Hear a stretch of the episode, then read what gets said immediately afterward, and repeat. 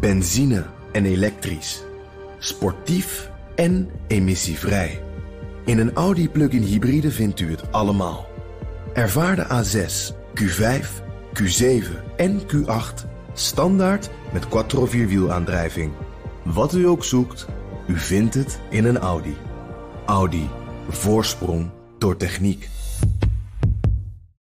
Postma in Amerika. Tijd voor het Amerikaanse nieuws door de ogen van onze correspondent in Washington, Jan Postma. Jan, uh, je nederlaag erkennen, dat is een kunst. Dat blijkt ook weer bij de verliezende kandidaat in Georgia, Herschel Walker.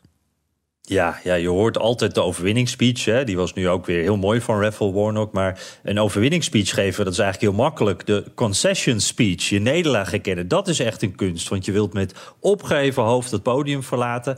En uh, ja, vooraf had Walker niet heel duidelijk gezegd of hij de uitslag zou erkennen als hij zou verliezen. Dus iedereen was benieuwd wat hij zou zeggen. Nou, hij herkende zijn nederlaag, maar sloeg eigenlijk het feit dat hij verloren had over. Uh, dus hij feliciteerde ook zijn tegenstander niet, wat je veel ziet. Het is ook niet duidelijk of hij gebeld heeft met Warnock. Uh, werd allemaal overgeslagen. En toen hij afsloot, was hij eigenlijk gewoon een winnaar. Oh, I'm, I'm a winner. We all winners. So we all winners. And that's what I want to say. We're all winners.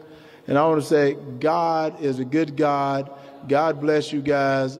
Ja, en dat was de afsluiting. En dat is nog eens een kunststukje, hè, dat je toch eindigt als winnaar. Maar ik moet wel zeggen, als je dus de uh, toespraak terug leest... dan zie je een winnaar. Maar als je hem het hoort zeggen... de toon is wel heel duidelijk die van teleurstelling dat hij heeft verloren. Ja, er was al kritiek op Trump na de midterms van 8 november.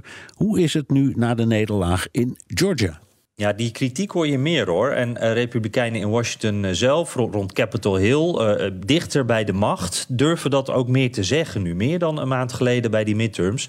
Um, Mitt Romney, bekende anti-Trumper, we weten in welke hoek hij zit. die stemde ook voor impeachment als Republikein.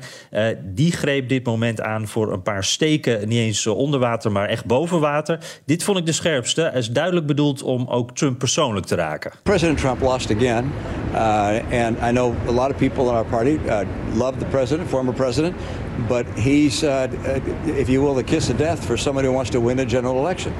And at some point, we've got to move on.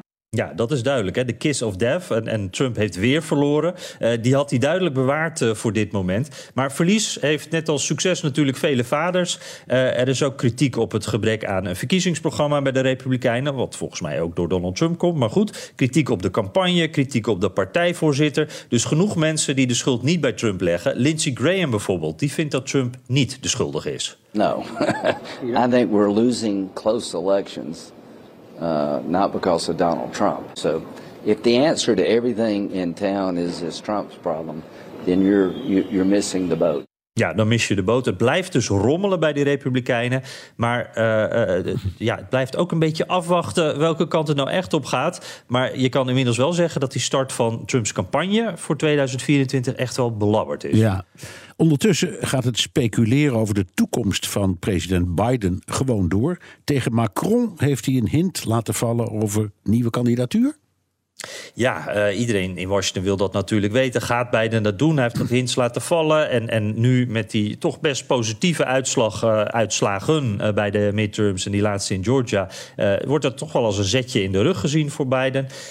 tijdens het staatsbanket voor Macron is er ook over gesproken. En Macron wilde natuurlijk ook graag weten wat de plannen zijn. Zoals heel Washington dat wil weten en daarbuiten. En toen Jill Biden het over haar sportroutines had, hoe ze fit bleef... toen vroeg hij haar ben je klaar voor nog een campagne? En daarop zei Jill Biden, absoluut. En toen, uh, uh, ja, je, weet natuurlijk dat Biden, die zegt altijd, het hangt van Jill af. Hè? Dus uh, Macron dacht dat ook. Dus die keerde zich meteen om naar Biden en zei, gefeliciteerd, het kan. En daarop toostte Macron op Bidens campagne voor 2024. Dit gebeurde allemaal lachend en, en tong in cheek natuurlijk. Maar Macron hief dus zijn glas, zijn glas wijn... en Biden hief zijn glas cola. En ze hebben getoost op de campagne met de hele tafel.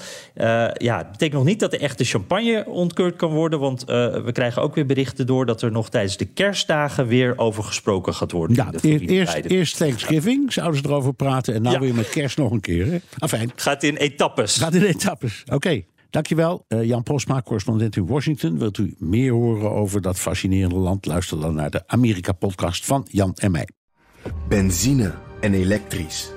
Sportief en emissievrij. In een Audi plug-in hybride vindt u het allemaal. Ervaar de A6, Q5, Q7 en Q8 standaard met quattro vierwielaandrijving. Wat u ook zoekt, u vindt het in een Audi. Audi. Voorsprong door techniek.